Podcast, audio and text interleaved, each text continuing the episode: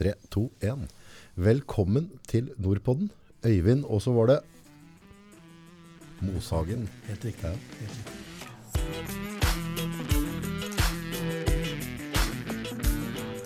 Du tok tur til Dart, så koselig. Ja, veldig hyggelig å være her. Ja. Dra med deg mikrofonen enda nærmere, tror jeg. Bare- Vi kan, eh, dra, ja, ja. vi kan dra litt til. Ja, det går bra. Nye veier. Der er du Jeg er prosjektdirektør for Innlandet og det vi gjør her. tøft. Ja, det er tøft. For dere gjør ganske mye her. Vi gjør mye, og så sitter ledergruppa i selskapet i tillegg. Ja. Nye veier. Hvis du skal forklare det på en enkel måte, hva er Nye veier, og hvor, når kom det, og hvor kom det fra? Nye Veier ble oppretta av regjeringen i 2015. Eh, Selskapet ble operativt i januar 2016. Og vi er da det andre beinet til departementet og Samferdselsdepartementet for å bygge motorvei i Norge. Så dere er eh, ansatt og lønna av staten. Vi er et statlig selskap. Statlig selskap. selskap. Mm. Hva var poenget? Har vi ikke nok eh, med Statens vegvesen og Det jeg hører både ministre og andre snakker om, er jo at de ønska å se om det var mulig å få mer vei for pengene. Ja. Og så vurderte de nok sikkert ulike løsninger den gangen, eh, men endte opp da med å forsøke et nytt selskap med tydelige rammer og tydelige mål. Ja, for som vi pratet på litt før vi gikk på her, så strukturen deres på en måte på selskapet, hvor mange dere er og sånn, den var litt unik. Dere drifter på litt annen måte enn det kanskje har vært gjort tidligere. Ja, vi har jo fått mulighet til å starte jobben fra scratch. Det å kunne designe et selskap fra scratch fra dag én er jo ikke så ofte en får muligheten til. Så da blir det veldig målretta og veldig tydelig, og vi mener sjøl vi har blitt veldig effektive. Da, og Lite byråkratiske og, og fokus på samfunnet og kunden. Ja, for det, dere har da fokus på det på en måte at eh, fra på en måte en avgjørelse til handling, eller handling, altså det skal være kort vei der da. Ja, vi har korte beslutningsveier, eh, og vi skriver ikke notater til hverandre internt. Det, det gjør vi ikke. Men vi har, har gode beslutningsprosesser. Ja, Men det går fort. ja. Det, det, er jo, det er jo spennende. Beslutningsprosess. Altså hvordan, eh, for eksempel noen siste prosess du har vært i en beslutningsprosess, hva handlet det om? Og det kan sikkert være at grunnforhold, du må forandre på ting, eller altså ting, uforutsette ting. Men hvordan ser en sånn prosess ut? Det, det kommer an på hva det er. Det er klart Vi har, eh, vi har små beslutningsprosesser i hverdagen som vi har hele tida. Ja, Der har jo jeg andre ansvarlige som eh, driver kontraktene, kan du si. Og noen ganger så er det så vidt tunge saker at det er involvert, andre ganger så er det ikke det. ja, Men det kan òg være om vi skal starte nye prosjekter, nye porteføljer vi, vi har fått. Sant? Hvordan, skal vi, hvordan skal vi gjøre det? Der både styre og selskapsledelse er invitert, eller er inn, som en inkludert del av det. da. ja. Og da er det veldig rigide prosesser i og for seg, men eh, forutsigbare og effektive. Ja. Og da, hvordan ser det ut? Liksom, hvordan begynner dette der, en sånn prosess? Er det med møtevirksomhet, og hvor lang tid? Hvis du, hvis du har noen eksempler, da, så la meg forstå liksom, på en måte tanken. Nei, når vi, vi fikk jo ny eh, portefølje her i eh, tidlig, eller første halvår i år, kan du si, i forhold til eh, E16 Kløfta-Kongsvinger og E6 Øyer-Otta for vår del. Ja, Da har vi jo jobba litt med det i vår, sant? det å finne, finne ut hvordan vi skal gripe det an. Hvordan skal vi starte det, hvordan bør vi, bør vi ta tak i det. ja, Og så lagde vi en enkel plan for det i forhold til selskapet, og har fått beslutta den planen i, i selskapsledelsen. Og, for, og sånn sett da fått penger til å kunne starte med, med planlegging aktivt på, på de to strekningene. ja, og da begynner dere med å innhente anbud fra selskaper. Og, så- Etter hvert så etter hvert gjør vi det. det. Nå Ja. senere så gjør vi det i forhold til planlegging, selvfølgelig. Når det er vanlig gjennomføring av anleggsprosjekter, sånn som vi har utafor kontoret deres her, så er det klart da er det med løpende utfordringer, eh, små og store. Og det er klart er det store nok, så kommer det på mitt bord. Ja, Og så prøver vi å finne ut hvordan vi skal gripe tak i det. da. Og det kan være, eh, kan være ting som har skjedd eh, underveis. Det kan være eksterne aktører eh, som ikke er enig med det vi har lagt opp til. ja. Og andre eksempler som vi da må hoppe inn i. og Det handler jo ofte om dialog eller møter og avklaringer. og så om vi klarer å finne og løse opp i sakene. Men når, når dere får en jobb, da, er, det, blir er det en stor jobb som blir lagt ut på anbud som Vegvesen og dere er med, og, eller er får dere tildelt her, har dere Vi- vegstubb? Vi får, eh, sånn som det har vært til nå, så har vi fått tildelt våre oppgaver fra departementet. og Det er jo det som er eh, metoden, kan du si. da. Ja. Sånn som vegstrekkeren, når du fikk tildelt det da, hvordan startet prosessen og hvordan, hvordan ser det ut i forkant av, av eh, at du begynner å ta inn anbud fra andre entreprenører som skal gjøre jobben da? Nei, det, og det var en veldig spennende prosess uh, her, da. Ja. For vi fikk jo, jeg hadde mine første timer i selskapet i mars 2016. Ja. Uh, jeg hadde min første ansatte i selskapet i Innlandet på, ja, kom vel i juni. Uh, kom det noen flere i august, og noen flere i september. Og 5. september lyste vi ut første konkurransen på Kolomoen Arnkvern. Okay. Og det skulle ikke ha vært mulig. Og vi syns framdriften var litt tøff, men i dag så ser vi jo at det gikk, har gått veldig bra. Men hva, hva må du legge til rette, eller hva må dere legge til rette før dere begynner å hente inn anbud? Nei, Da har vi jo eh, profesjonalisert innkjøpene våre i praksis. Vi har en sterk kontraktsavdeling i, eh, i Kristiansand som jobber tett sammen med prosjektene. Ja. Og da hadde vi jo akkurat tatt ute konkurranser på Arendal-Tvedestrand E18 og E18 i Bamble. Mm. Så vi da gjenbrukte de grunnlagene, og så satte vi Kolomoen Moelv inn, inn i den settingen. Mm.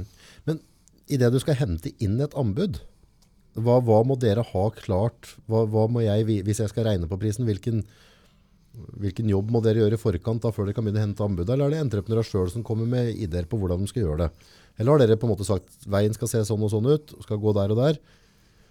Sånn ho hovedsakelig, hvis vi tenker Kolom Moelv, da, så var jo veien definert gjennom reguleringsplaner. Yes.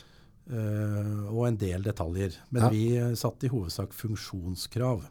Så vi bestemte ikke om det skulle være bru, eller om det skulle være stålrør, eller, andre, eller om det skulle være trebru, eller betongbru, eller sånne ting. Det bestemte ikke vi.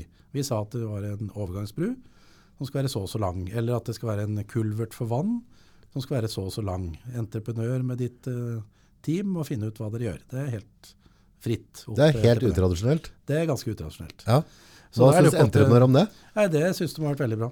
Ja. Det synes de har vært veldig bra. Og det har vi fått mye ros for. Og det har vi fortsatt med den, å utvikle det mer og mer og mer. Da kan jo på en måte entreprenør velge løsninger de faktisk er veldig trygge og proffe på, og jobbe mer effektivt, istedenfor at du tvinger dem inn Ja. i at her skal du gjøre et eller annet, og så må du leie inn masse ekstern hjelp, for dette har Ja. du aldri gjort før. Null riktig. erfaring. Det er helt riktig. Og, det, og derfor så har vi, og det at vi gjorde det på den måten, var jo bl.a. signaler og våre egne erfaringer gjennom mange år. Som, eh, som både byggherrer og entreprenører. eh, Ja. Der vi så at hvorfor skal, vi, hvorfor skal vi mene noe om alt dette her? Det er mye bedre å gi de som kan bygge, eh, ansvaret for å finne tallene. Dette er det mye anleggsfolk som har sagt før. Ja, jeg, Endelig så har det skjedd, liksom. det tror jeg òg. jeg tror det må være en del som klapper i neva rundt her nå. Ja, vi oppfatter det at det er, at det er eh, god stemning hos mange entreprenører i forhold til vår tankegang. Ja, for jeg tror for, for entreprenører så kan på en måte dem som skal være utførende part, så sitter en annen gjeng på et kontor, og så tegner de litt ordentlig, og så sånn skal det bli. Og så sier de, i praksis så funker ikke det i området her, liksom. Nei. Eh, men det er veldig vanskelig å se hvis du sitter på andre siden av landet på et kontor. Så å gi dem den muligheten til å bruke kompetansen sin 100% Ja da. det må jo være helt genialt. Ja, og det, og det, det var ikke lett vei å komme dit. Eh, Vi, vi hadde mange diskusjoner i selskapet om hvilke strategier vi skulle ha, hvordan vi skulle legge opp eh, konkurransene, og hvilke ansvar vi skulle gi ut da, til entreprenørene. Var de klare for å ta det ansvaret, f.eks.? Ja, Det er mye godkjenning av både konstruksjoner og andre ting. Er de klare for det, eller er de ikke? Og det har jo vist at de har vært klare for det. Sjølsagt har vi hjertel, eh, hjertel i mange sammenhenger, men det har gått veldig bra. Sånn har vi ikke bygd veier i Norge før. Nei da, jeg har sjøl bygd eh, og vært ansvarlig på byggersida i mange år. Og det var jo ikke sånn, det var jo ikke dette vi gjorde den gangen, for å si det sånn. Eh, Men vi har hatt ei reise, hatt en læringskurve som har vært bratt. Vært blitt utfordra på gammel praksis. eh, En Ja. toppleder som vil ha endring, som òg kan veibygging. Ja. Det tror jeg er summen av veldig mange av de tingene der som har gjort at vi i dag er i hvert fall har, har vært litt utradisjonelle. Nå oppfatter jeg vel at veldig mange eh, søker seg litt i den retningen vi går. da. Hva betyr dette for, eh, for oss som brukere og skattebetalere på en måte? enden? Nei, Det betyr ganske enkelt at vi får mer vei for pengene. Sånn i sum Ja. eh, så får vi mye mer vei for pengene. Går det an å måle det på noen måte? Ja, da, vi, vi ser jo det på kostnadene. og Hittil i, i vår portefølje på ca. 150 milliarder, så ser vi at vi ligger an til å ja, levere det for ca. 30 milliarder lavere i kostnad. Mange, er jo 30 milliarder, mange meter vei til får vi da? 109 kilometer. 109 km til med vei. Og det er jo trafikksikkerhet Det er jo herfra til Oslo, det. Ja, det er helt Seriøst? Riktig. Ja, det er helt riktig. Det er jo helt idiotisk. Eh, Det er i hvert fall veldig Vi var litt, litt overraska da vi 109? oppdaga de. Ja da, det er, det er store tall. Jøss. Dere burde hatt det som bonusordning, tenker jeg. Ja, det, det har vi ikke. Så tar du for Erna. Det har vi ikke. Nei. Så her, her har vi ikke bonuser. Nei, du skulle jo hatt det, da. Så der, hvor mange meter klarer du å spare, og så fått en liten sånn brøkdel, i hvert fall. Jo da, nei da, det, det får andre holde på med. Ja. Men, men, eh, men det er klart det, store, det store, blir store tall, og, og det overraska jo også litt òg. Mm. At det var så vidt store effekter. Og så er det jo summen av mange ting, Mm, mm. selvfølgelig. Men der, dette er et viktig bidrag i den sammenhengen. Ja, og også for, uh, både for, uh, for uh, meg som privatperson og meg som, som arbeider, så har jo dette med veger og tilgjengelighet og lang tid, altså det, det har utrolig mye å si bare på lommeboka mi. Og det har jeg sett hvis jeg har vært andre steder og jobbet, og med biler rundt, altså her på Innlandet så er vi skikkelig bortskjemt. Mm. Altså her er jo liksom en time, så kommer du overalt. Det er det, er riktig. altså, men uh, prøv Trondheim med alle de fjordene rundt. Altså, det er jo en helt annen, en helt annen geografi da, enn Ja, ja. hva vi har på flatbygden her. Ja da. Men, eh, men uh, da får liksom, du rekker jo ingenting på en dag. Du sitter jo i bilen beint hele dagen. Mm, mm. Så, så jeg er jo veldig glad i sånn nå er det jo, nå er det jo egentlig åpen vei helt fra Stange og inn til Oslo Det er det. uten det. trøbbel. Merket setter meg der, vipper på cruisekontrollen og skal til Oslo på et møte. Mm. Det er ikke noe belastning mer. Nei, det er riktig det. Og snart kan jeg hoppe rett utpå her også. Eh, Mari, du har et bilde der av eh, Jeg husker ikke hvilket nummer det er i serien, men det er noe som heter Mjøsbyen. eh, Et geogra geografisk bilde av Innlandet som i og for seg beskriver det du sa nå, August. Det, Ja. Det bildet der Det er med sirkelen på. det med sirkelen på. Og, Ja. det vi ser der, er jo at hvis du tar og legger en sirkel rundt uh, aksen uh, Øyer, Gausdal, Raufoss, Stange, uh, Løten ha- og Elverum, så er vi ca. på størrelse med Trondheim. Vi er det, ja. ja. Og vi tror jo at når vi får bygd motorveier mellom de store byene her i Innlandet, så sjøl om det bare går en time i dag, kanskje går en halvtime da, om eh, seks, sju, åtte år, Det det, det vil kunne endre, endre hele innlandsdynamikken, tror vi da. Ja, dette er jo ikke det distere. Da vil Altså, folk kunne jobbe mer på tvers, reise mer på tvers, bedriftene får større grunnlag osv. ja, det, det, altså, det er ikke noe å lure på. Transport, bare hvor lenge mjølka skal være på veien før den kommer i butikken. Ja da. Så det, Det er, Så vi, vi, vi oppfatter jo at uh, veldig mange nå snakker om eh, effektene av, mm. av at vi er så heldige å få bygd nå sammenhengende. Vi kommer jo til å klare å bygge sammenhengende nå, fra Kolomoen og helt til Øyer. ok. Nesten ni mil. det kommer ikke til å stoppe før det Nei. er oppe Øyer. Sånn som det ser ut nå, så vil det være sammenhengende maskiner på det hele strekningen. Det er jo badebryter sjøl. For normalt så, så får du en sånn stubb på fem mil imellom Ja, som ja. stopper opp. Så jeg har liksom flaskehalsen, og så, kommer, og så har vi Vi har Så jeg ikke har klart å få til ett Vi har, jobb, vi har jobba litt med at det skal være maskiner på de ni mila hele tida. Og det ser det ut, sånn som det er i dag, så ser det ut som det skal gå fint. stilig. Sjøl om vi da kommer til å begynne Vi kommer nok mest sannsynligvis til å begynne i, i nord på den neste strekningen, eh, rett nord for Lillehammer, mot Ja. Øyer. Eh, fordi at det var raskere å komme i gang der, og så begynner vi eh, et år etterpå fra Mjøsbrua og nordover. Ja. Og så åpnes det suksessivt mellom 23 og, eller 2023 og 2025. Og det er jo ikke så lenge til, med tanke på at vi da skal omsette ca. 20 milliarder. Hvor lang tid tipper du fra, fra Brunnaren til uh, Lillehammer da, i biling? Nei, da er du vel på noen og 20 minutter, da. Ja, ikke sant? Og det vil jo, eller si, i hvert fall ikke mer enn 25 minutter. Kanskje 22 eller 23. Ja, men det er innenfor. Og det er kjapt. Ja, og hvis du på en måte har uh, bred nok veger, da, så at ikke det Ja. kladder kledder seg underveis. Det blir jo ikke noe kladding da, Nei. så da skal det gå veldig greit. Og da, og da er det òg forutsigbart. Så da vet du at det tar 22 minutter Ja. når du setter i bilen der du er vant til å For, Gjøre det. forutsigbarhet òg. det tror jeg har utrolig mye med økonomien å gjøre i landet. ja. Jeg ser hver gang jeg skal til Oslo, der, da er det bønder på byen. Og der, altså jeg må, jeg må dra av gårde en halvtime, Mm, mm. i hvert fall kanskje tre kvart tidligere, for at jeg skal slippe å komme heseblesende fem minutter for sent inn i et møte. Mm. For jeg, jeg, jeg kan ikke dynamikken i Oslo. Jeg, vet, altså jeg kan Nei. kjøre rett i fella, Ja. og så blir jeg stående der og stange. ikke sant? Men jo mer forutsigbart du har trafikken, jo lettere er det for meg å utnytte arbeidstida mi her, Ja, ja. og den transportetappa. da. Ja, ja. Jeg var jo på et sånn NHO-seminar tidligere i uka. Der drar jo næringslivet nettopp fram akkurat dette her. Forutsigbarhet er utrolig viktig. Helt Du avgjørende. må, du må rekke den kaia i Oslo klokka da. Mm. Gjør du ikke det, så får du bot eh, fra bilfabrikken i Tyskland. Ja. Så det er liksom det er utrolig viktig at de vet eh, at det er forutsigbart og regulert. Ja, og alle disse hertima du må ta og føre, da. Mm. Alle de halvtimene jeg har bydd på, som jeg egentlig kunne produsert og betalt skatt for, på en måte. da. Ja, ja, ja. Eller vært, eh, vært nytte for meg. Ja, ja. Så jeg må reise bare tidligere for å være sikker. For Det er ikke noe ordentlig å komme for sent til noen møter helt. Så.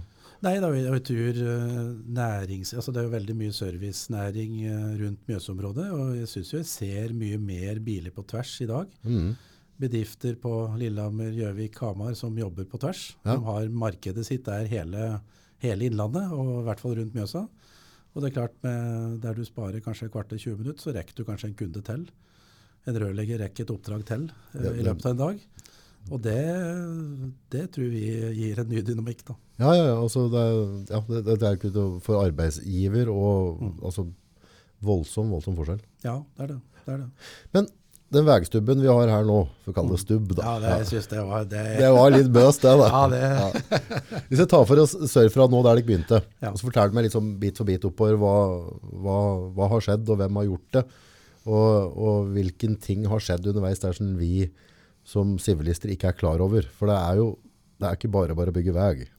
Nei, og det er klart dette her er jo det, er jo det største veiprosjektet i Norge som pågår nå, da, det som er mellom Kolomoen og Største i Norge? Ja, det er det. I, nei, altså i nåtid? Ja, altså sammenhengende utbygging akkurat nå, så er det ingen som bygger 43 km motorvei akkurat nå. Nei. Vi håper jo at noen slår den rekorden uh, Ja, ja, veldig fort, ja. men, men Og at du slår den sjøl? ja, gjerne det. gjerne det. Men, eh, men vi starta jo med å lyse ut og komme i gang med konkurranser eh, fra sør her, da, fra, mellom Kolomoen og Arnkveld. Og der hadde vi byggestart i, i um, september 17. Mm. Da kom de første maskinene. Vi hadde kontrakt, kontraktsigning litt før. Så Hære har jo den uh, strekningen. Ja. Uh, og så har, fikk Veidekke noen måneder etterpå den strekningen fra Arnkvern og helt til Moelv. Ja. Og der har det jo pågått aktivitet. Først så må de selvfølgelig prosjektere anleggene sine, og så er det jo å begynne å grave, grave seg ned i, i trauet og komme, komme fram og finne ut eh, hva som ligger der, hvilke rør som lå der, og eventuelt hva som ikke lå der. Mm. Og geotekniske utfordringer selvfølgelig, og andre ting som du da må løse og finne rette metoden for. Og det har vi hatt. Eh, Selvfølgelig på så store anlegg så er det jo Det går jo ikke rett fram. Eh, Men det er jo derfor det er morsomt å jobbe med. Ja. Åkersvika var- var kanskje litt mjuk i kanten? Ja, Åkersvika eh, er jo en utfordring på mange måter. Sant det? Og bank i, bank i bordet så har vi jo ingen uhell i Åkersvika i forhold til miljø. Nei. Og det har vi jobba beinhardt med sammen med, sammen med Herre. Mm.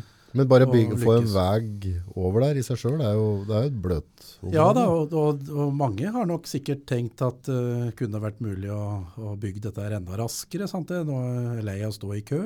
Ja. Men Åkersvik er et av de områdene der vi såkalt har måttet forbelaste. Forbelaste, hva legger du i det? Ja, Det er rett og slett når det er eh, litt mer krevende geotekniske forhold, så legger vi på mer stein, eller entreprenøren legger på mer stein, Ja. for å på en måte få bli kvitt setningene i uh, framtidig setning fort. Så da er det gjerne- altså. Ja, du legger på ekstra tyngde, Ja. som da presser ut uh, den dårlige massa og vann og andre ting.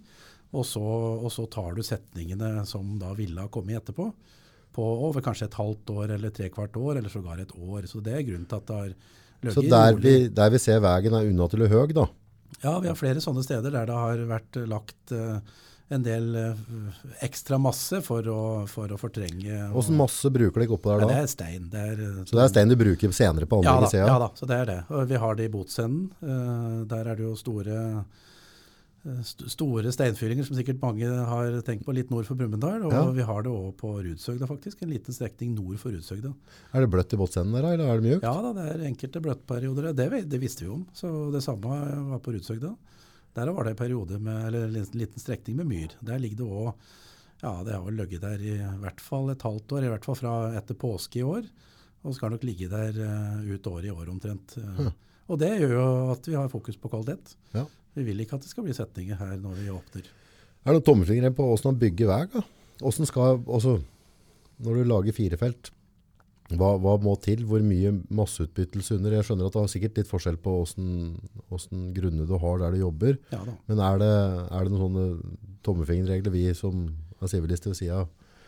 Jeg kan, jeg kan begynne med å si altså all, all, all veibygging er jo på en måte forankra i, i regelverk og normalverk som, Mm. eh, som alle som bygger motorvei må forholde seg til. Og så er det sånn at når vi bygger inntil eksisterende vei, sånn som vi gjør her, så, så må du òg passe på at du ikke bygger verken for mye eller for lite, og må tilpasse seg litt det som ligger der. Ja. Men eh, alle har jo sikkert sett den eh, store steinhaugen som lå nedpå eh, litt sør på Kolomoen. Stemmer. På Kolostuen. Kjempehamster Der, der, ja, der lå det vel ca. 900 000 kubikk. Ja. I tillegg så har jo Hære sprengt ut en, i hvert fall en par hundre tusen kubikk i tillegg. Og, og det har røkket da til veioverbygning helt fram til, til Arnkvern, da. Nesten til Ikea. Fra Kolomoen. Mye ram- fylledekk oppå. Nei, det, det varierer litt, men, men deler av eksisterende vei eh, gjør vi jo ikke så veldig mye med der den er bra. Nei. Andre steder så må vi skifte ut litt der den er, eh, der den er svakere. Men vi, andre, vi alle jo, vet jo hva tælahiv er i Norge. Ja. Det har vi prøvd før. Ja. Med gamle 142 og, og nå i dag med kanskje nyere biler. Ja. Hva gjør dere for å unngå den gode gamle tælahiven? Nei, altså mye, mye handler jo om uh, drenering f.eks. At du har gode løsninger på det. At du har brukt riktige masser Mm. i de ulike lagene. Det er jo veldig viktig at de produktene som brukes er i tråd med, med kravene. Mm. Uh, og her har vi jo òg sånn at entreprenøren har ansvaret for uh, det de bygger i 20 år etterpå. Aha. Og det er en liten sånn uh, twist, selvfølgelig, for å in. Ja, det er incitament for å bygge ordentlig. sant det? Ja. Og de må da svare for eventuelle store tælgiv eller andre ting, og det vil de selvfølgelig ikke ha. Så da nytter det ikke å, å gi et, et lavt prisanbud også, og for å sørge for å få den veistrekken. Da må du faktisk regne prisen, at de vet at de kan bygge det solid nok til at Ja. det står Ja, og det, ser, og det har vi sett veldig tydelig. Vi hadde jo, vi hadde jo den type incitamenter som opsjoner i våre kontrakter, altså som mulige ting som vi som byggere eh, ville kjøpe fra entreprenøren. Det gjorde vi jo selvfølgelig, og det fikk vi jo spørsmål om veldig tidlig, om vi hadde tenkt å, å, å løse ut de eh, vedlikeholdsopsjonene på 20 år. Mhm. Hvis, de skulle, hvis vi skulle det, så ville de eh, måtte tenke enda mer på kvalitet. Da Ja. gjorde vi selvfølgelig det, og, og vi ser at de tenker kvalitet i det de gjør i dag.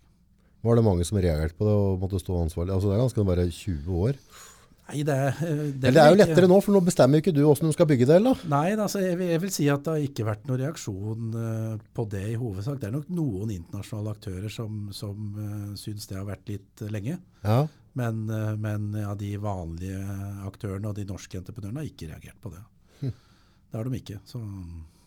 Men jeg, vet- jeg tenker at det er litt viktig, og det er jo litt sånn som OPS-modellen òg, at uh, vedlikeholdet selvfølgelig er med i, i den pakka. Mm. Og, og, det, og da har jo vi å kunne trekke fingra litt eh, ut fra fatet, sant det, og at entreprenøren har faktisk veldig stort ansvar. Veivedlikehold, er det med brøyting og sånne ting da, eller er det Nei, det, det er drift. Vi har òg ansvaret for drift, men det er andre entreprenører som, som får ansvar for det. Så vi har egne strategier på, på drift. da. Mm. Men vedlikehold, så fysiske vedlikeholdet og eventuelt reparasjoner av dårlig bygging, det er det den som eh, har gjort det, som må svare for. Ja, på egen lomme. Ja da, det er det. Og det er de ikke veldig interessert i. Nei, da gjør de Det det er skikkelig. underforstått, altså de vil gjøre det ordentlig. Så, og det er vi fornøyd med. Hvordan synes du byggetida har vært her, og hvor, når, når kan vi forvente oss at uh, veistrekka her skal liksom klippe snor og Jeg får se om Mari finner et annet uh, bilde vi har. da. Eh, det er et grønt uh, bilde som det står 43 på. Bla det litt eh, nedover. det, Skal vi se om vi finner eh, Der har Der vi den. Der har vi den. 43? 43. Eh, og der vil en jo se at allerede nå eh, tidlig i oktober så vil vi åpne helt til Kåterud. Altså rett før Hamar. Første 12 km er da ferdig. Fra, fra Stange? Fra, fra Stange og Kolomoen, der firefelten slutter i dag. Ja. Og så kommer er du helt til og med Ja, det blir helt til du møter Åkersvika. Siste krysset før Åkersvika. Ok. Det, Der du svinger til Ottestad, på en Ja, måte, eller? det er helt riktig. Det er helt riktig. Så da er den strekka åpen? Da er det 12 km fiks eh, ferdig. Og neste sommer, inn mot eh, Vi sitter jo i Brumunddal i dag. Forbi krysset her så skal vi da åpne neste 19 km rundt sommerstid eh, neste år. Ja. Sannsynligvis rett før ferien. Så da, blir det over Åkersvika og Over Åkersvika, gjennom Vien, eh, både Åkerkrysset, Vienkrysset og, og videre helt eh, forbi Brumunddal. Hva ble løsninga i Åkersvika egentlig? Altså jeg bare vet at det var veldig mye skrivere og mye prat rundt Åkersvika og Freda. og åssen løsning ble endelig der? Det var jo en lang eh, prosess. Vi, vi hadde jo ikke ansvar, Statens vegvesen som hadde ansvaret for, for Åkersvika og planleggingen der, det, og det tok jo mange år. Mhm. Det var nok sikkert vanskelig å finne ut av både hvilke alternativ og hva han skulle satse på, men det ble jo vedtatt at du skal bygge langs det eksisterende. Ja. Og så er det en del sikringstiltak uh, som ligger langs den veien vi bygger i dag. Sånn at vi slipper ut mindre i, i reservatet når vi er ferdig, enn det det var før. Så bra. Og vi har også funnet, og det var jo Hære som bygger den strekningen, fant jo òg og foreslo nye og enda bedre løsninger enn det som lå opprinnelig fra Fylkesmannen og de statlige vedtakene, som alle var fornøyd med, og som vi bygger i dag. Men det, dette er myr, eller er det Nei, Jeg kjenner ikke så detaljene, men det, er, men det, er jo, det, er, jo, et våtmarksområde. Har du måttet grøve langt ned for å bytte ut masse der? Nei, de, de har jo fylt på en del masse. når ja. de gjorde ja, for Jeg mistenker at det har gått noe stein der. Ja, det har nok gått noe stein, uh, stein, der. Det har nok det. Men uh, det har stått ganske rolig nå i, i en god stund. Og det er klart, det har jo kommet veldig langt der nå. Mm. Hamarkrysset og Åkerkrysset er jo et veldig komplisert kryss som må ligge i, i Åkersvika, og det har òg kommet veldig langt. Det ser kanskje ikke sånn ut alltid for folk, men de har kommet mye lenger enn det det ser ut til. Men er det ikke alltid slik med veibygginga at det ser ut som at det ikke skjer noen ting, og så plutselig bare på, på noen uker så skjer alt? For når du begynner å sy sammen for altså alt grunnarbeid, Du ser jo ikke grunnarbeid. Du ser jo ikke at maskinen står og øser. Det blir rotete grunnarbeid. For de som ikke har det på det, så kan det se litt rart ut. Ja. Det er helt riktig. Jeg syns anlegget her har sett veldig ryddig ut. Ja da, det har, det har gått veldig greit. dette Ja. her. Selvfølgelig er det mange utfordringer som har vært underveis, men det, det, det er en jo forberedt på. Men det er klart det er mye kabler, mye rør.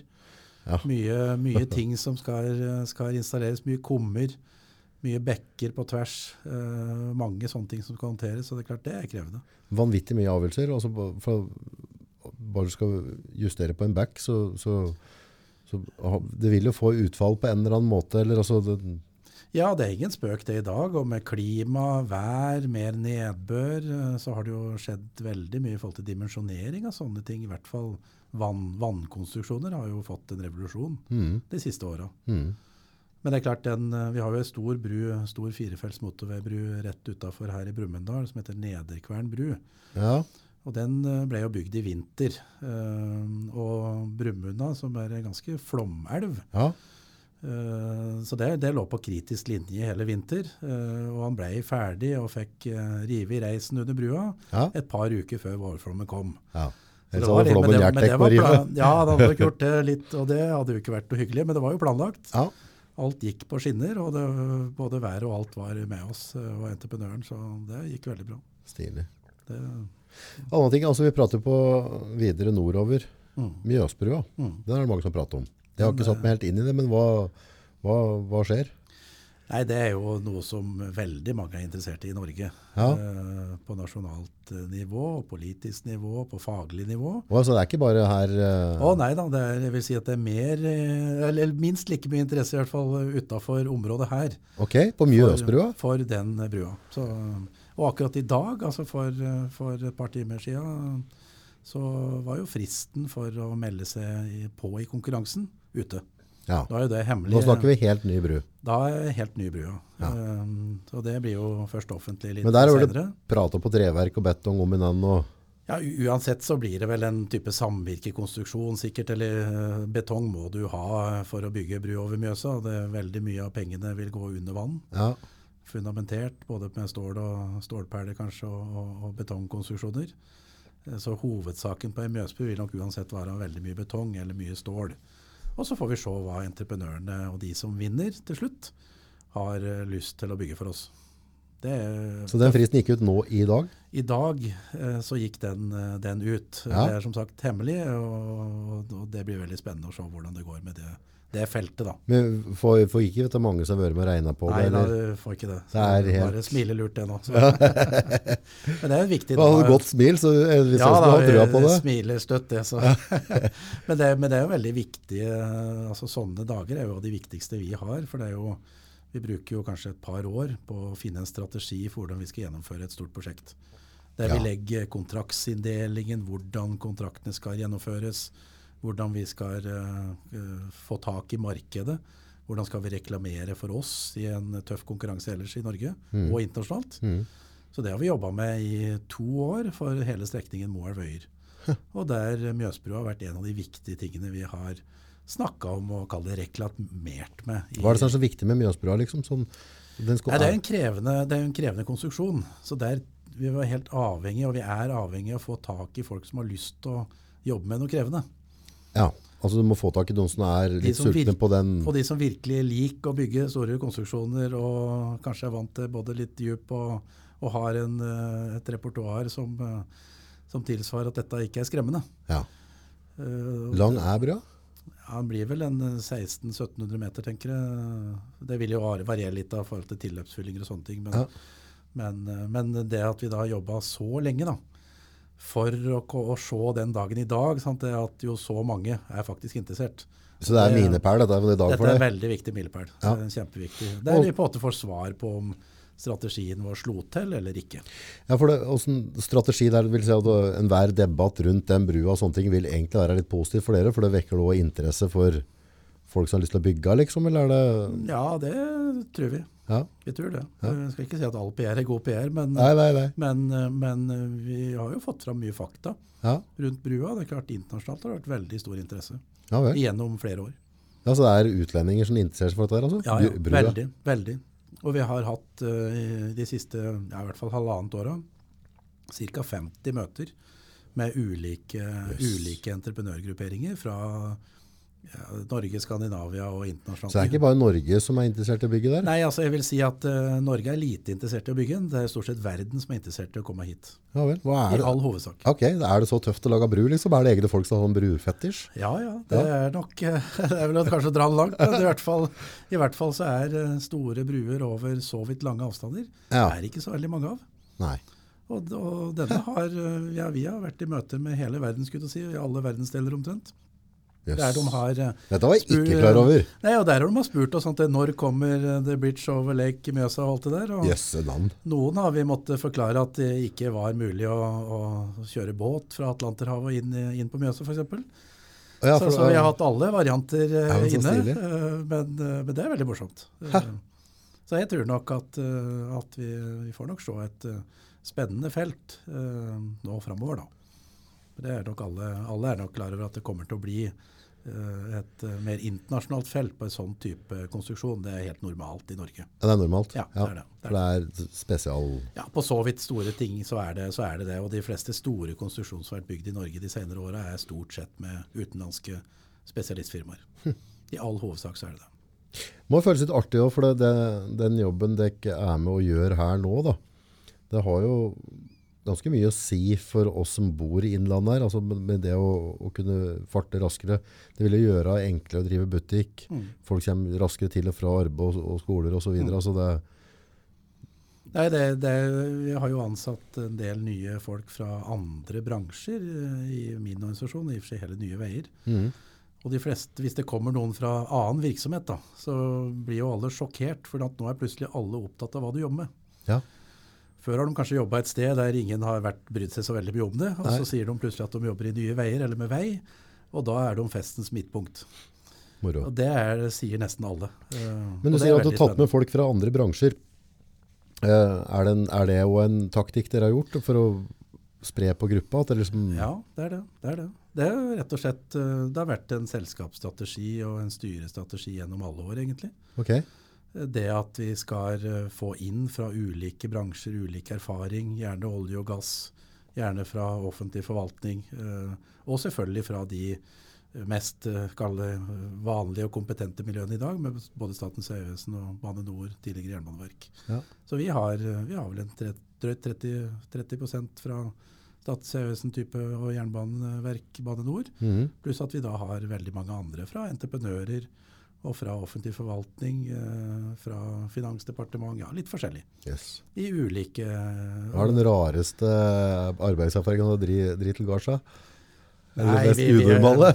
Nei da, men, men det er klart, når vi, når vi rekrutterte en veldig god økonom hos oss fra Finansdepartementet i Danmark, så var vi veldig fornøyd. Oi, det synes vi er Har litt... du dansk oppi her òg? Ja da, med, med, med aner mot Lillehammer og, og, og sånne ting. Og det, og det er klart det er veldig spennende når vi på en måte da får tak i kjempeflinke folk. Det var ikke det for at du skulle dra pilskulturen inn i lunsjen, liksom? Nei da, det, har ikke, det har ikke vært spor av det.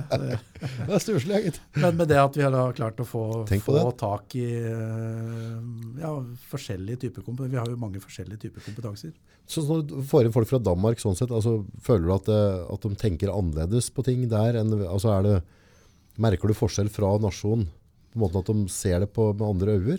For det er kanskje det dere er litt ute etter, at du på en måte får alle den tverrfaglige kompetansen på Ja, altså Det gjelder jo i alle vi har, vi har, Hvis vi tenker på vår organisasjon nå her da, i Innlandet på noen og 20 personer, så, så er jo kanskje halvparten er jo da eh, litt sånn hardcore byggere i en Ja. eller annen retning. ja, ja, Enten vei eller tunnel eller Mm. eller Men så har vi veldig mange andre fag. Det er prosjektstyring, det er usikkerhetsstyring, det er økonomistyring, kontrolling, HMS i, i ulike varianter, samfunnsansvar. Så det er, jo, det er jo så mange fag i dag som skal spille sammen. Ytre miljø f.eks. Um, så det er jo det som er viktig, at alle de har sin erfaring og kan bringe til torgs. da. ja. Og så diskuterer vi oss fram til hvordan vi skal gripe an den situasjonen eller den situasjonen. Jeg tror det er skikkelig sunt i veldig mange tilfeller når du får inn folk som du tradisjonelt ikke skulle ha hatt der, eh, som kanskje ikke kan så mye om akkurat det du kan. Så noen ganger så får du liksom et annet syn på det. Ah, det har jeg ikke tenkt på før, for vi- kjører oss litt inn i et spor. Vi har drevet med noe hele livet. Ja, og jeg tenker sånn, eh, Nå har jo vi vært heldige selvfølgelig som har, har nyrekruttert sånn sett, da, og, og, hatt litt blest omkring det. Men, men det er klart vi har fått eh, gode veibyggertips vi fra både økonomene og økonomen fra Danmark og andre, og andre fag hos oss, okay. som ikke kan vei. Ja. Men det er jo det som er litt morsomt, så det utfordrer de som kan vei, da. Ja.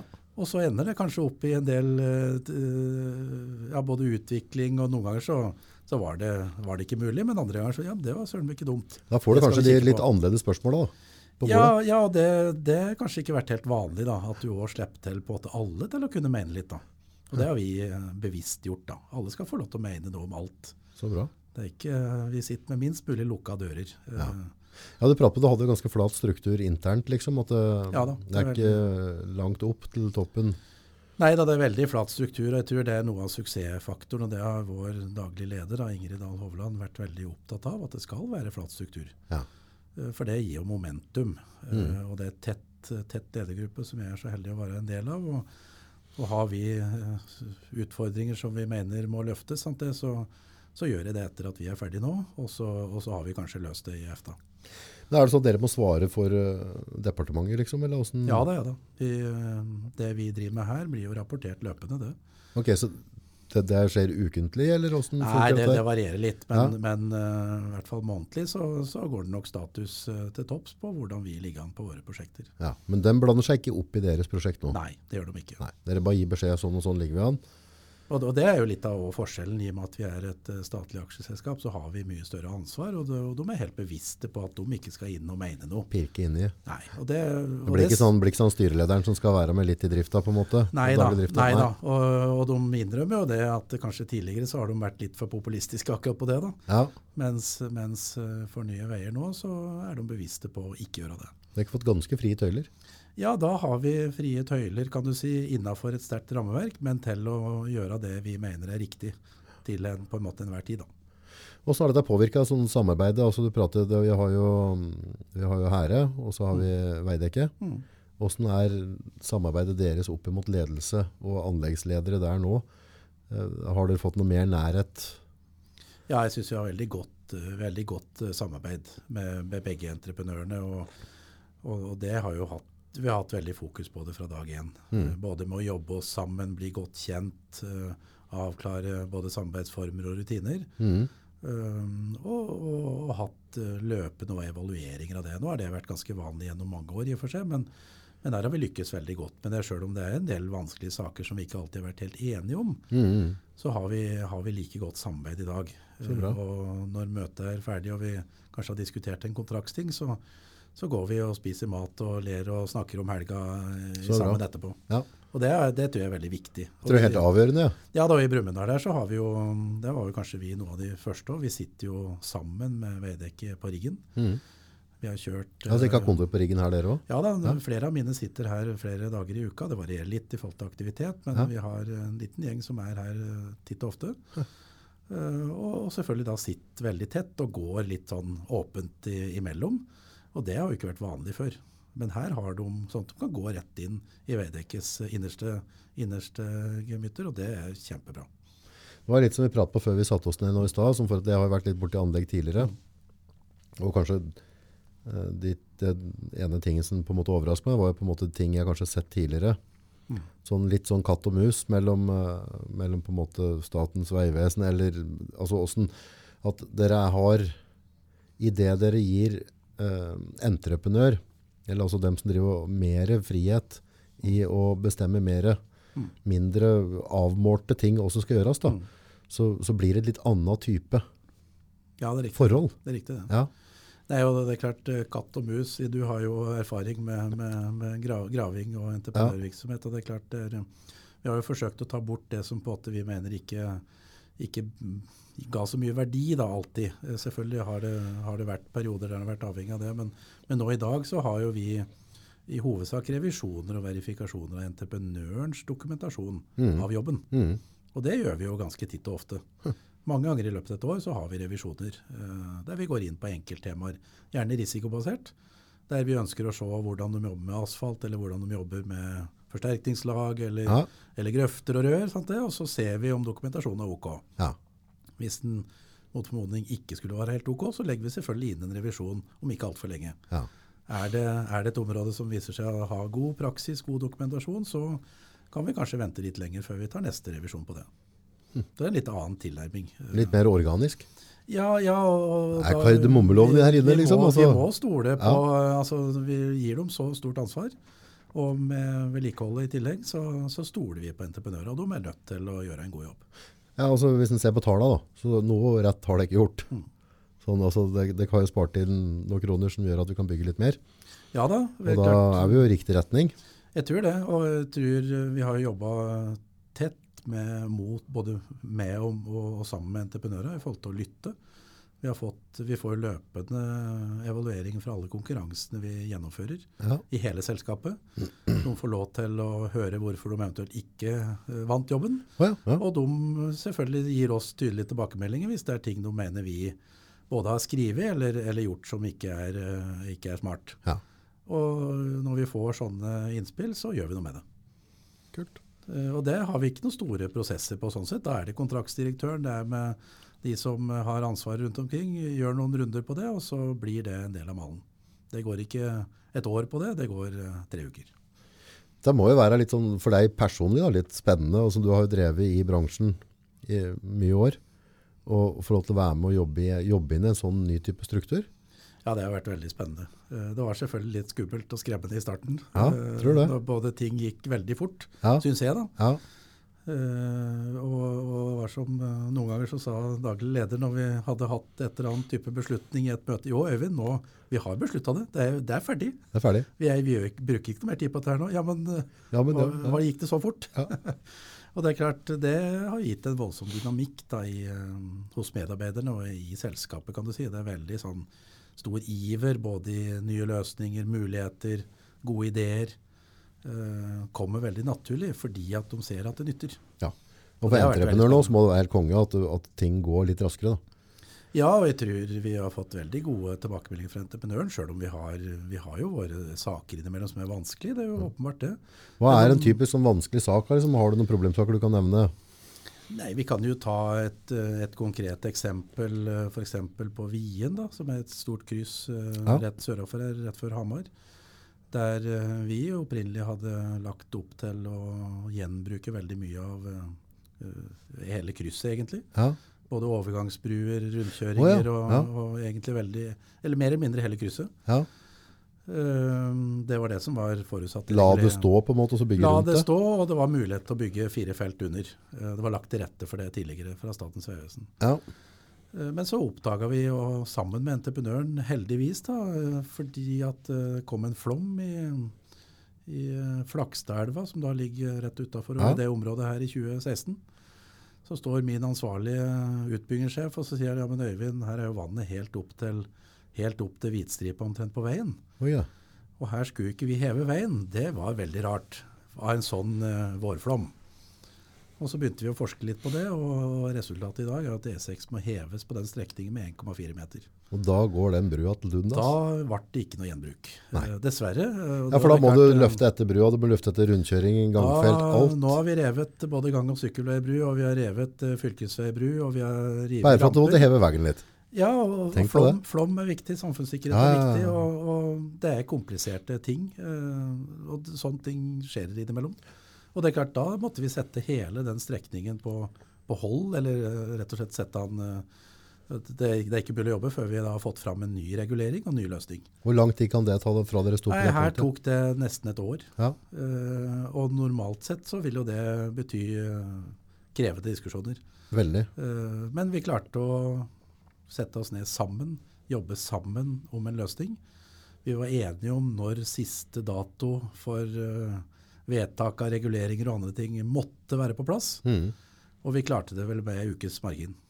Så det var helt på, på kritisk eh, punkt, men, men uh, veldig, veldig spennende å kunne utvikle så vidt eh, kompliserte ting da, underveis i bygging. Ja, og så har du på en måte gjort det for at det kan vare da. Ja, ja, ikke minst. Da er vi trygge på at uh, flom er håndtert. Det er liksom da gammelt, denne kan stå i 100 år. Hvor lenge kan vi forvente en vei skal stå? I dag, Vi bygger jo for hundreårsperspektivet, 100-årsperspektivet, sånn, som sånn som på konstruksjoner skal stå i 100 år. Det er en god gamle 100 år. Men, men utfordringen som, som kanskje har vært de senere åra, i hvert fall i mer sentrale strøk, da er jo at trafikkmengden har økt. Mm. Sånn at det på en måte av andre årsaker ikke har kunnet stått i 100 år. Ja. Men klart, når vi har fire felt da, Kapasitet, kapasitet i innlandet på det vi bygger nå skal nok være ganske bra. Så om- Hvor mye bil drar du forbi eh, Hamar og Brunholm om dagen?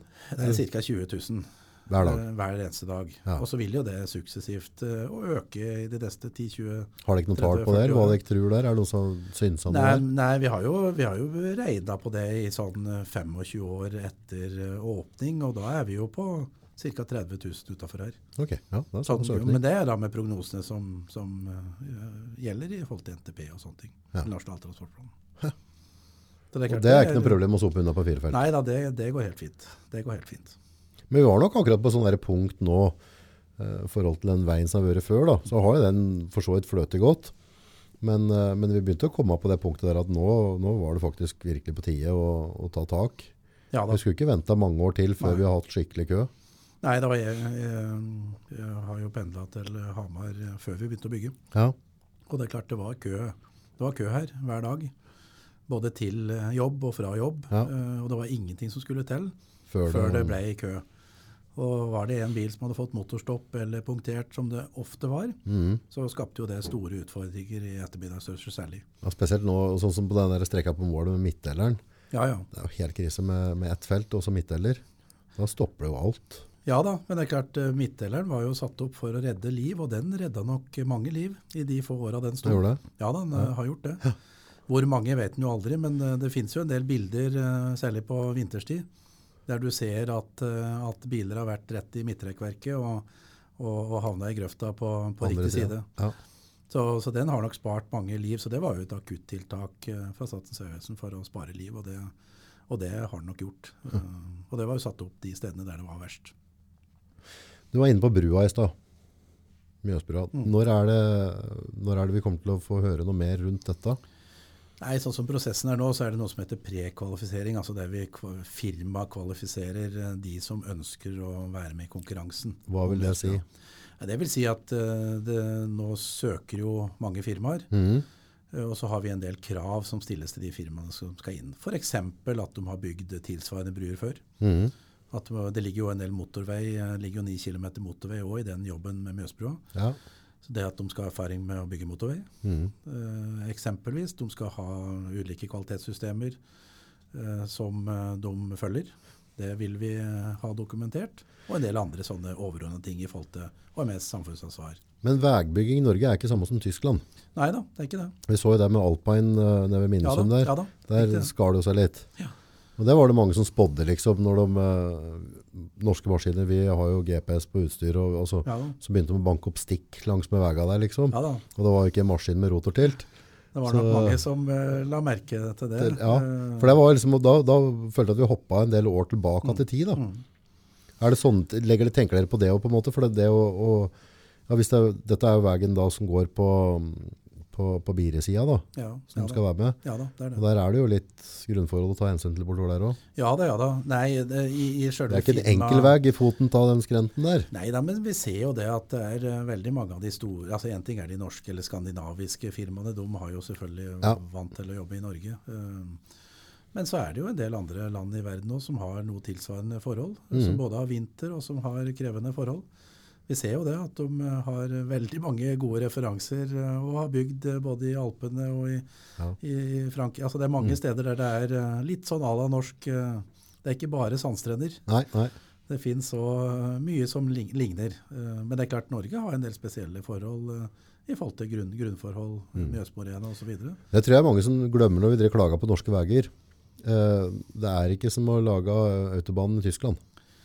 Nei, det, er, det er nok litt krevende i Norge. eh, Og hvor, hvor det er mest krevende, det vet jeg ikke. Det er jo, vi har jo, nå har jo vi tett dialog med våre kollegaer som er både på ja, Som f.eks. bygger fra Kristiansand til Stavanger. og det er klart Der er det veldig kupert. Mm.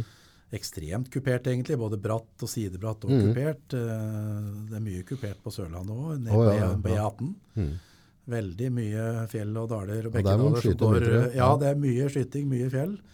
Mens det, når du kommer til Innlandet, så er det, jo, er det jo litt andre, og det er mye dyrka mark. Sant det? det er ikke så mye av alltid der eh, de andre kollegaene våre driver. Og så har du Trøndelag, som ligner kanskje litt mer på, på våre prosjekter her. Mm. Men med kanskje enda verre geotekniske forhold. Trøndelag, ja. Men- Ja, jeg tror det, det er ganske røft. ja, ja, det, Det er røft. der, altså. Ja, og det er eh, krevende. Sant? Det å leire, kvikkleire.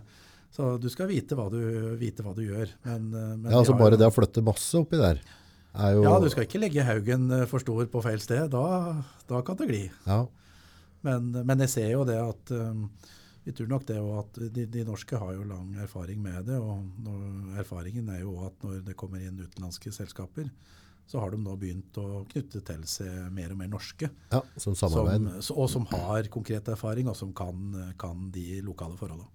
Var ikke det- det litt sånn, er det Follotunnelen eller noe? Om det var en sånn kombiløsning der? Var det ikke noen spanjoler som drev bora der? Jo da, det er flere eller har vært i hovedsak utenlandske der, men Ja. de har jo, jeg tror veldig mange av de norske firmaene har vært inne og gjort uh, mye Vært- jobb der. Ja, Ja. være med på det. Ja da, jeg tror det. Og det, det vil jeg nok tro at uh, vil være modellen. Uh, Ja, for det vil jo være litt ålreit å prøve å holde penga innaskjærs òg, da. At vi ikke sitter og betaler entreprenører i utlandet, at vi pumper veimidlene mine ut av Norge òg. Det er greit at vi på en måte skaper en verdistigning her i landet, da. Arbeidsplasser og Det er klart, det, det er jo det ideelle, men samtidig så er jo, det er jo internasjonale konkurranser dette her. Den beste vinner hos oss. Og om det da er eh, spansk, eh, norsk eller, eh, eller hva det er, det, det må vi Så det kan ikke du ta hensyn til? Nei da, gjør ikke det. Så lenge de tilfredsstiller kravene våre. Ok. Og det er jo en mengde krav, selvfølgelig, Ja. som de skal svare godt på. Så Mm. den, som, den som vinner våre konkurranser, skal, skal kjenne området, skal kjenne trafikken, må ha satt seg godt inn i, i, i hva som er særegenheter på den strekningen. Faen meg litt av en jobb å begynne å, med annet språk og alt, og begynne å sette seg inn i, i lokal... Ja da, men jeg tror, jeg tror sånn, som, eh, sånn som de fleste store, i hvert fall det vi ser av internasjonale aktører, da, så ser vi jo det at de, eh, nå får de napp hos de store norske entreprenørene og store norske rådgiverne er med og støtter. Okay, ja. Eh, Og dermed så har de på en måte jeg tror i større grad ivaretatt den lokalbiten. Mm, mm. Og det er jo vi veldig fornøyd med, at det nå er at det kanskje blir mer type samarbeid eh, akkurat på det. da. Sånn på slutten. Fun facts. Vi prata Ja, litt om det i telefonen på det. Det er mye fun facts her. Ja, det, det syns jeg er litt artig. Fun facts er veldig stas. Og så er det Veibygging er så utrolig mye mer komplisert Ja enn det, Ja. det du ser med blotte øye. det det. Vi ser bare en, en hjullaster og en graver som driver og durer borti her. Ja, ja. Skal du gå gjennom Ja, ja. noen av dem sammen her? Ja, det, det er jo øh, helt sånn overordna som, vi- som vi var inne på. Altså det at vi bygger øh, 43 km på 41 måneder øh, er jo i seg sjøl og, og sammenhengende, og kanskje klarer vi da sammenhengende til og med nesten 90 km, er jo veldig, ja, noe vi har hatt veldig lyst til, men som vi ikke visste om vi klarte å få til. Ja. Men som det nå ser ut til at vi klarer å få til. Det det største tallet som eh, litt sånn i fun fact, er jo det at det er Mange har sikkert sett når de kjører forbi anlegg at det ligger trekkerør, altså gule eller oransje rør ja. eh, ved sida. For å tre eh, kabler til. For å tre ulike typer kabler, alt fra fiberkabler til strøm til andre ting. Eh, og at vi har 400 000 meter med trekkerør. var jo mer enn det jeg trodde. Ja, og, og et trekkerør er seks meter langt. Ja, det er ca. seks meter ja, for de kommer vel på Eh, seks meters bunter, tror jeg. Ja, det er nok sikkert, det vet sikkert Ja, du mer eller mer, men det, det ser ut til å stemme bra. Ja. Det er, det er mange, det- det det er er mange moffer som skal boddes. Det er voldsomt Uh, 400 000 meter Ja. trekkerør. Nå har vi selvfølgelig, vi, vi legger jo inn ekstra trekkerør i det vi bygger nå, med tanke på at uh, ja, hvordan skal vi ta vare på, eller eh, rett og slett legge til rette for en eventuelt smart vei, eller er det bilene som blir smartest? Mm. Det vet jo ikke alle i dag, og vi vet ikke hva som er riktig, så vi har lagt inn en god ekstra kapasitet, Så bra. sånn at vi eh, etter hvert kan tilby både 5G og andre ting. Det folk skal da være klar over da på de trekkerøra, av de 400 000 metera, er at hver meter av dem, om det ikke hver meter, det blir jo hver annen tre meter, Ja. så er det en som skal stå med en stikkspa Ja. og stikke og det. komprimere rundt. Det skal Det det. legges sand, og det skal komprimeres over, Det det. og det skal legges på lyttebånd og kabelbånd. Ja, Nei, det er helt riktig. Det er ganske mye arbeid. Og, og det er fremdeles, dette er jo noe av det manuelle arbeidet som fremdeles gjøres. Ja, det er karer som går der og, med, med vater og, og legger det, og passer på at de ikke har svanker, så flagrant har du, Ja, ja. får det maga på det, så vil det ligge vann nede der, og så fryser det stykker, og ja. Nei, det er helt riktig. Det er, det er en vanvittig jobb. det er en eh, stor, og sånn som det er i dag, en manuell operasjon. Det er en av de få som er igjen. Det er akkurat det med kabler og rør. Veldig mye annet blir gjort fra maskin. Men der er det godt gammeldags håndverk. Ja, det er det. Sette Og det opp, tror jeg er veldig viktig for at det skal stå i, i veldig mange år. Da. så setter de opp kummer, da, sånne digre firkanta kummer Ja. som de røret går inn i. Yes. Så kommer det gubber da med kompressor Ja. og en svamp, yes. så blæs de tau gjennom, og så trekker de kabla gjennom. Ja, da. og det skal stilig. da trekkes igjennom veldig mange av de 400 000 meterne her. For en jobb. Og 400 000 meter, da kommer du ganske langt hvis du legger alle de rørene etter hverandre. i hvert fall. Nå ligger mange ved siden av hverandre. Ja, det gjør det. Ligger Legger du dem etter hverandre, så, så kommer du brukbart langt. Så, Voldsomt. Ja, det er voldsomme mengder. Da var det røra, og så har vi Det er jo en annen, det som, det som skjer òg i, i dag, kan du si, at det begynner å montere en av de første trebruene da, på strekningen i Ringsaker her. Ja, over E6, og det har de nå gjort klar de siste ukene. Så trafikken blir jo, blir jo kjørt utom E6 akkurat nå i helga på en delstrekning. ja. Der det da blir montert eh, når, når de første kommer på jobb igjen på mandag, så vil de nok da kjøre under ei trebru som ikke var der på fredag. Hen blir den trebruen? Det er rett nord for, eh, rett nord for eh, Brumunddal, mellom eh, Økelsrud og Neskrysset. Kult. Så det er jo sånn som folk Det skal monteres opp i helga. Den blir montert opp i helga, skrudd sammen og heist på plass. Og Det den, den, den, er, den er ikke der i dag, men den er der på mandag. I hvert fall er det som er planen, og det går nok helt fint. Det er noe kubikk med treverk som skal opp, da. Ja da, ja da, og det er mange skruer som skal skrus inn, men uh, det er jo Moelven som leverer dette her til Veidekke, og de er vant til å gjøre det. Ja, De har skrudd litt her og De De har nok skrudd det her vi sitter i dag òg, så Ja. det, dette kan de. Tøft. Ingen, ingen fare. Så. Skal vi se. Frostsikring, ser du her. Ja, det er jo veldig mye 1,5 million kubikk. Ja, det, det er jo viktig, viktig materiale når vi skal bygge opp en vei. Og det er klart, alle har jo et forhold til den eh, store haugen som lå nede på Kolomoen. Og det er klart, det, det en og en halv gang den haugen er det vi trenger for å legge kvalitetsmasse under hele Kolomoen-målen. Cirka en og en halv gang. Og da er det er det klart det- 57 000 lastebillass med henger. Ja, det er det. Og det ser jo, i hvert fall de som frekventerer en del i Ringsaker, ser jo at det er veldig mange lastebiler, og de kjører stort sett stein. Ja. som skal brukes i, i, i veioverbygning. Eh, Og det kommer veldig mye av det nå, kommer jo fra Moelv. Mm. Så der er det, det de vet ikke hvor mange Veidekk har i, i arbeid nå, men det at det kan være opp mot 100 lastebiler. Mm. På, på maks har det vært opp mot 100, Mm. som da i hovedsak kjører stein. Og hvis noen ser at det, at det går en lastebilgubbe rundt bilen og kikker på hjula, Ja, så er jo det På alle lastebiler så har vi tvillingdekk, det er helt riktig. og der også bruker du veldig mye kult. da. Ja. Og det er ofte 20-120 i Mm. fra, fra 20 cm oppover. Nei, unnskyld. 2? 20, nei, 20, nei, 20 cm til 120. To centimeter til tolv. Til Ja. til 12, sånn Ja. blir det. Mm. Og dem kleip imellom hjula, og så dundrer de ut på veien igjen, og så får du denne frontruta. Mm. Så det er grunnen, hvis du ser en lastebilsjåfør som går rundt med en kjapp i neven, Ja. så er det bare for at han kan forsikre seg at han ikke lempetur seg noe på veien. Ja, og her har vi hatt veldig stort fokus. For vi har dessverre hatt en par sånne uhell som heldigvis har gått bra. Men Ja. vi har hatt stein som har gått i, i bilruta til folk. Det blir voldsom kraft. Eh, Og, og, men etter at det skjedde, så har det vært veldig god praksis hos både hæresidene lastebilsjåfører og Veidekke sine innleide. Og Jeg har sett kara gå rundt med, Ja, da, nå, det er ingen, eh, det er internjustis, altså. Ja. Det de får beskjed av sine egne Mhm. eh, kjørere. Hvis de uh, skulle glemme det, så blir de stoppa. Og de har god praksis. Og nå ser jeg jo at nå har de begynt med kameraovervåkning oh, ja. på, på en del lastebiler nå. På hjula sine. På eh, ja, veldig mye i forhold til karm og fylling. Karm at og de sitter inne og følge med på om de blir eh, fylt for mye, Ja. og hvordan det er i forhold til karm. Mm. For dette blir Det er veldig viktig. ganske vanskelig med den som sitter og leser òg, for lastebilene er ganske høye. Så hvis Ja, du ja. leser, så kan du se ut som det er fint på den siden du leser, Ja, ja. og så kan det ligge en jækel på andre siden. Ja, ja. Nei, og det- var vel, Jeg så en eh, Facebook-video av en som hadde fått installert dette. Han var skeptisk i forkant, sa han. Ja. Eh, Men nå i etterkant så var han eh, overbevist, og dette var veldig bra for tryggheten og sikkerheten. Så flott. Så jeg tror det kommer til å komme av veldig mye flere sånne løsninger. Jeg tror ikke det er veldig kostbart og dyrt heller. Det kommer mye mer sånne løsninger som gjør at det blir tryggere både for de som kjører og de som oppholder seg på veien. Jeg vet mange av dem som kjører de fire aksler, i hvert fall som ikke henger, da, så har de kamera bak deg, så når du kjører tippen oppe, når du kjører frem, da, så ser Yes. du om det setter seg noe tvillingen nå. Ja. Så har du på en måte muligheten til å, å se at det, at det er noe som klyper der. Da. Ja, og det å ta i bruk eh, Ja, dette er jo ikke ny teknologi, kanskje, men kanskje tilpassa teknologi til bruken. Ja. Det tror jeg, tror og håper det kommer mye mer av det framover.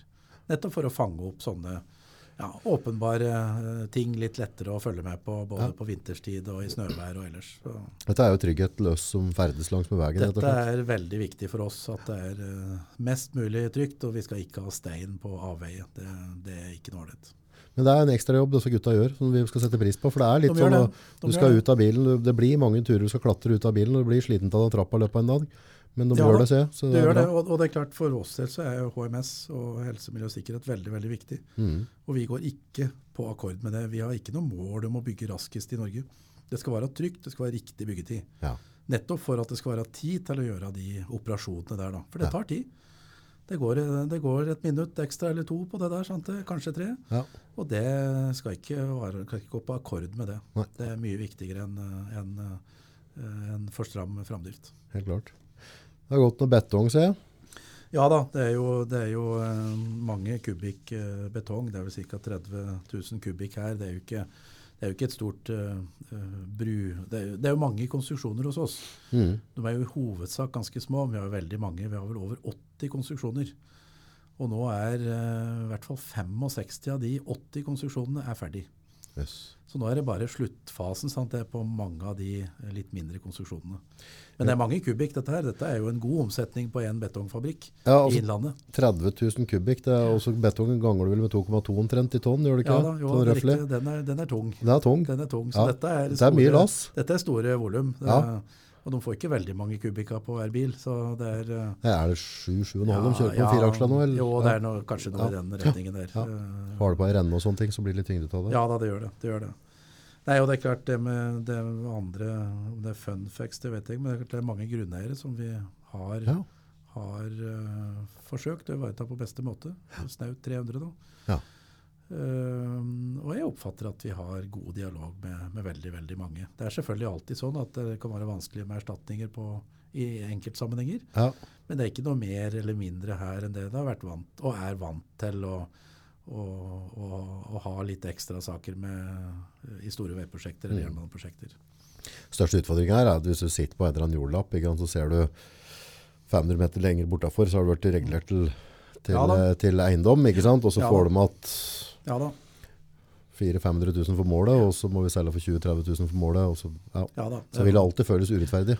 Ja da, og det er klart så, sånne ting eh, Det er nok mange som føler på det, og det er klart man kan jo alltids diskutere hvor mye er jord verdt. Ja, Eh, Men dette er jo, vi følger jo de statlige praksisene. Og, og, får ikke gjort noe mer med det. så, så det er profesjonelt håndtert og med god etikk i alle, alle ledd. Så, og der vi eventuelt ikke kommer, kommer i mål sammen, så er jo det skjønn og andre ting som hjelper til med det. Og da til slutt så, så må vi betale eller gi det som skal til. Så Ja. det er van, vanlige og ryddige prosesser, oppfatter jeg. Så, Lyktstolper. Ja, det- 2000 stykk. Det er noe fundament som skal ned i bakken? det blir noen lysmaster og noen fundamenter som skal eh, nivelleres eh, nøyaktig. Ja, for det, det, dette går jo på millimeteren. Og Dette så er på skal du tre kabel oppi, og det er Ja, ja. Og, det, og det, er, eh, det er jo veldig fascinerende å se. Nå ser en jo mm, særlig sør, sør på strekningen her. I, I Stange så har de montert eh, mange lysmaster nå. og Når du ser at det er helt på linje, Ja, så er jo det veldig fascinerende. ja veldig kult. Og så forventer vi at det skal stå like godt på linje om både to og fire og ti år. Mm. Og så har vi 1200 kummer. Ja. Uh, og kummer det kan jo være alt fra trekke, trekkerørskummer Ja til er vasskummer. Og, Det det. men det folk skal klare at den kummen skal graves ned i bakken. Ja. Den skal måles inn, det skal komprimeres, Ja. og det skal fylles da med riktig masser. Bare det Ja. er en jobb å sette en kum. Det er en uh, stor uh, jobb, egentlig. Ja, altså en, en, en mod, altså det, det går fort en dag Ja. på å sette en kum. ja. Altså du skal ha en rørlegger inn i bildet, og, du skal, og skal dere har jo stikkere som skal måle den inn. For du skal jo kunne finne den digitalt etterpå. Ja da. Og det, og det har jo vært veldig, veldig viktig her når du stikkordet digitalt. Det er klart vi, vi på Kolomoen Moelv, det var jo i 2016, så, så hadde jo vi veldig høye eh, digitale eh, målsettinger for mm. gjennomføring. Mm. Og vi satte de tøffeste krava, i hvert fall som har vært satt i Norge noen gang, Ja. i forhold til digitalisering og bruk av modell. Eh, Og modellbasert bygging, ikke minst, da, som vi var inne på Mm. uh, i stad. Det er litt da for at hvis du legger et rør, så skal jeg få ha vært, riktig verktøy, sånn at ikke klarer å legge et rør rett i din Ja, ja. bane etterpå. Da, at du har kontroll på dette med Ja. Og, Ja, og at det er på en måte koordinert, og at det er en del som både rådgiverne og entreprenøren jobber med før de begynner å bygge. mm. Så at det er på en måte, det er faktisk gått gjennom på kontoret eh, med beste praksis i dag, der en, der en har kontroll på arbeidsgrunnlaget sitt. Det er selvfølgelig det vanskelig på, på en så lang strekning, men det har gått uh, veldig bra. ja. Der er jo en del ting som folk ikke er klar over, tror jeg. I det du på en måte har lagt rør, om det er trekkerør eller om det er et uh, avløpsrør eller hva det er. Så før det blir fylt ned, så kommer det faktisk en, en stikker da, en med et GPS-utstyr, og måler den fysisk inn, det. Det. som safer høydene, så du kan til hver tid vite hvor det Ja, røret ligger, faktisk. Og Ja, at det har fulgt planen. Ja. Ja, og i forhold til eh, både drift og vedlikehold, sånn at når ting skal skiftes eller andre ting, så, så er vi helt avhengig av at uh, i våre systemer nå, da, så skal vi ta vare på den informasjonen her. Ja. Sånn at den som da drifter, kan bare gå raskt inn på iPaden sin, sjekke hva er det som ligger her, mm. hvilke rør er det, hvilken dimensjon, når det ble lagt, eh, når var det siste gang inspisert, osv. Alle, Kanskje puttes det inn noen sensorer der etter hvert òg, som da kan fange opp hvis det er noe som er feil i kummen. Ja. Ja, for det, det, dette er jo, alle har opplevd dette her på en måte at uh, hvis en kommer hjem og noen skal grave opp noen, da, Mm. så er røret går der. Men altså, har du grøvet nede, så blir det glemt. Det, er nok fort, eh, det har nok vært en del rør på avveie. Ja, det er veldig mye. Er skråsikker at den går over der, og så begynner du å lete etter den, så er det en helt annen stand. Ja. Så det å få målt inn sånn og ha det digitalt, er jo helt genialt. Ja da, og det er klart det har vært mye, mye rør si, eh, på, på strekningen Kolomoen-Moelv òg. Det er mye kryssende rør, det er mye landbruksdrenering. Som du ikke vet at var der, Eh, sikkert. Ja, jeg har nok en god oversikt over det, men, men det er klart det, det, det har nok vært noe som har dukka opp som ingen trodde akkurat var der. Ja, ja. Og ikke minst inn mot Hamar, eh, der det både er tunge renseanlegg og hovedvannledninger og veldig mye som ligger i, i krysset på Hamar. ja. Som det har vært jobba godt og mye med. Både i forkant selvfølgelig, men òg underveis. da. Så det har gått egentlig veldig bra. Så, Skal vi se. Tre bruer, ja. På E6 nå i Ringsaker. Den Ja. ene kommer jo opp nå i helga. Kommer opp nå i helga. De andre to tror jeg er seinere i høst. Eh, Men det er, det, er ikke lenge før, det er ikke lenge før det heller. Men det er klart det som, det som også er litt sånn, kall det fun fact, da, hvis vi ser på, på størrelsen. da. Kolemoen Moelv er tilsvarer omtrent inn dagens kroneverdi. da. Ja. Alt som ble bygd til OL i 1994. Alle OL-anleggene, radio-TV-senter, alle de fysiske tingene og, og Vikingskipet osv. Det var omtrent samme kostnaden som det Kolomoen Moelv er i dag. Tøft. Det er jo litt eh, Da kan det bli litt svett eh, på en måte i forhold til eh, størrelser. Ja. Nå har det kommet, det har kommet mye godt ut av de OL-anleggene. Veldig mye. Eh, veldig så mye. jeg var på vei til å si at jækla mye bedre måte å bruke penger på å bygge vei enn å lage skibakker. Men jeg ser jo nå i etterkant at de har jo vært veldig flinke til å sørge for at unger og unge og at alle har at det har blitt et felles produkt da, for Innlandet. Ja, jeg tror, jeg tror Innlandet skal være veldig glad for eh, OL 1994, selv om det sikkert er en floskel eh, hos mange. Så, så tror jeg vi har, vi har en posisjon som vi kan takke for det, tror jeg. Ja, I, har I mange sammenhenger. Ja, alle, ja, og alle, alle halve er vanvittig gjenbruk på det. da. Ja, ja. ja, ja. Nei, og nå, Det var jo Kolum og Moelv. men Når vi da er i gang og kontraherer nå allerede Moelv Øyer, da, som er neste, det er jo da 40% større igjen. Mhm. Og da kan du òg bli litt svett. Når liksom, eh, da skal, nå har vi akkurat bygd like mye som det var til OL, og så skal vi bygge 40% mer. Kult. Og Pluss at det blir litt overlapp. eh, Vi, bygger jo, vi starter jo opp nord før vi er, start, eh, før vi er ferdige her i sør. Mm.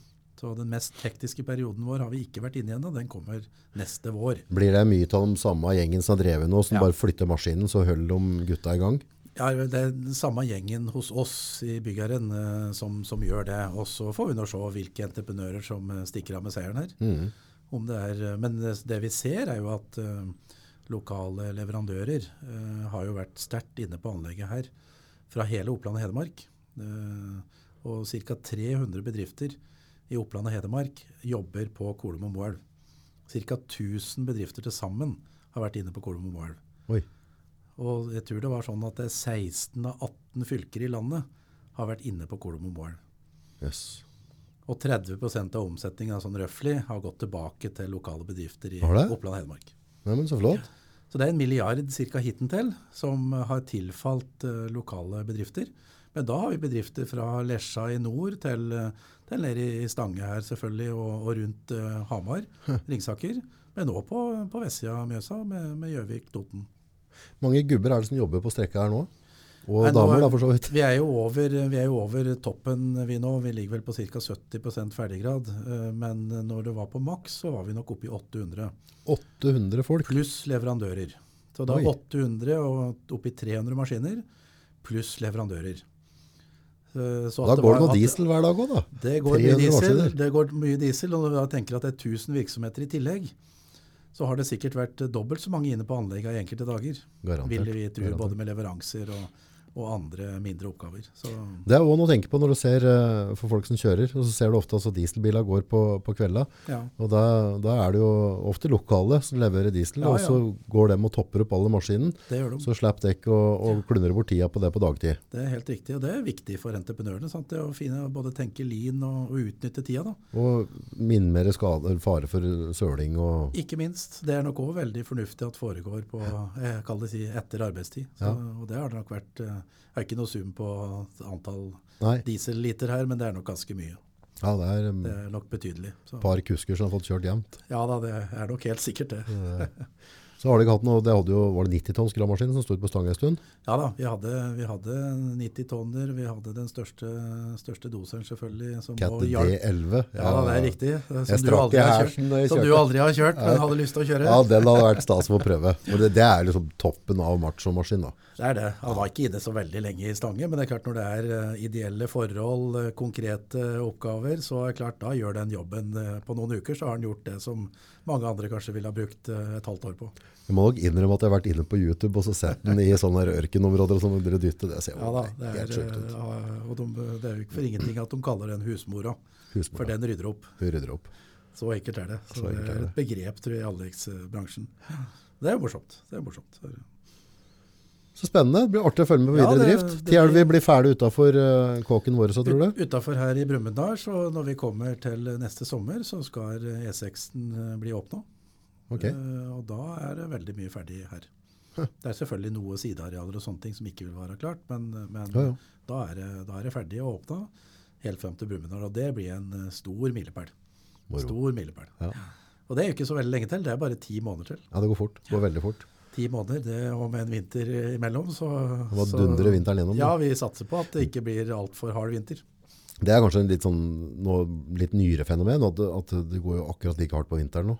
Det skal være Ja rimelig kaldt før anlegget stopper, altså. Ja da, det, det er ikke noe problem på det oppi her, selv om det var mye snø i fjor, sommer, eller fjor, vinter, så var ikke det noe Det var selvfølgelig noe snømåking og sånne ting på, på, rundt konstruksjoner, men vi har ikke hatt noen store utfordringer på det. Entreprenører har heller ikke hatt noen store utfordringer på det, i hvert fall som, som vi har fått eh, høre om. Nei. Selvfølgelig litt irriterende kanskje noen ganger, men eh, Jo, jo. ikke verre enn at det har, eh, hatt, at det har vært god produksjon. Mm. Og de har planlagt med operasjoner som er fornuftige å gjøre på vinteren. Og der ser det går, folkens, så da innimellom så er det sånne type blå pressendinger rundt, og det er det de kaller sånn snøseil. Ja da. Så har de kraner, og så bare krøker de hvert hjørne, og så løfter de snøen unna, og så begynner de å jobbe på morgenen med en gang. Ja, så på konstruksjoner, her har det jo vært kraner stort sett på alle konstruksjoner. Det er klart, da, er det, da går det ganske fort. Ja. Noe tid bruker du selvfølgelig Jo, på det, men, da, men da, da har du et du har verktøy til å ordne. Ja.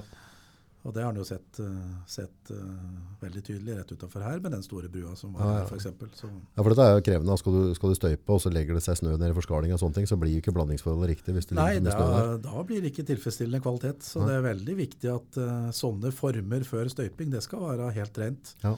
Det skal ikke være is og andre ting oppi der. Da blir det ikke riktig. Da må du i verste fall gjøre det på nytt. Ja, og til og med målt temperatur på den, gjør du ikke det? Jo da, jo da. Det følges opp. eh, følges opp eh, For riktig herding og Ja, ja, nei, det er veldig, veldig viktig for at det da igjen skal stå i, stå i 100 år. Så, og det, det skal det gjøre. Det skal det Så, gjøre. Ja, det vil vi. Bra jobba! Så fortjener alle gutta på veien der en stor takk òg. Det er jo veldig stas at vi får vei forbi her, syns jeg. da. Det er jo Ja, dekk, tror- dekk og, og teamet deres gjør jo en vanvittig jobb nå, og det går unna. Eh, Det gjør det. Og vi syns jo eh, jo det er fint at eh, anlegget på en måte er synlig da, for, Mm. for alle de trafikantene som står og stanger litt i kø noen ganger her. Mm. Så, så tror vi at de, når de ser at det skjer noe, Mm. det ser at det har gått lenger fra morgenen til aften, Ja, så tror jeg folk òg aksepterer på en måte at, eh, at, eh, at du kan stå litt i kø. Det er klart, Hadde det ikke skjedd noe, nei, nei. så hadde kanskje situasjonen vært en annen. Det er det som er litt utfordringa, for ofte så ser du ikke som skjer noe, men det skjer forferdelig mye. Også på slutten, det. så Ja, bare, bare pang, så er det jo flere ja, kilometer åpent. Ja da, og det er klart allerede nå, eh, før vi har åpna store motorveiene her, så er det jo veldig mange kilometer i ny enten nordgående eller sørgående som er ferdig. Ja, ja. Og det er klart når eh, vinteren kommer i år, så har vi jo kommet veldig langt. Da Mm. kjører nok folk eh, stort sett på ferdig nye to nordgående eller sørgående felt. Og med mindre rundkjøringer og mindre ulemper. Gleder meg til å prøve den nye veien, og så skal jeg glede meg til å se den i brua på mandag. Ja, det, Det blir blir, ja, det blir Ja. spennende. Det blir veldig spennende. Så skal du bli invitert selvfølgelig på åpning eh, når vi åpner forbi Brumunddal neste år. Ja, det blir gøy. Da må Ja. vi filme litt, lage Ja, en show ut av det. det må du gjøre. Det må du bli på. Tusen takk for at du tok turen. Setter pris på det. Takk for at du ble invitert. Så får du bare arbeide og slite videre, du. Vi skal jobbe alt det vi klarer. Det er bra.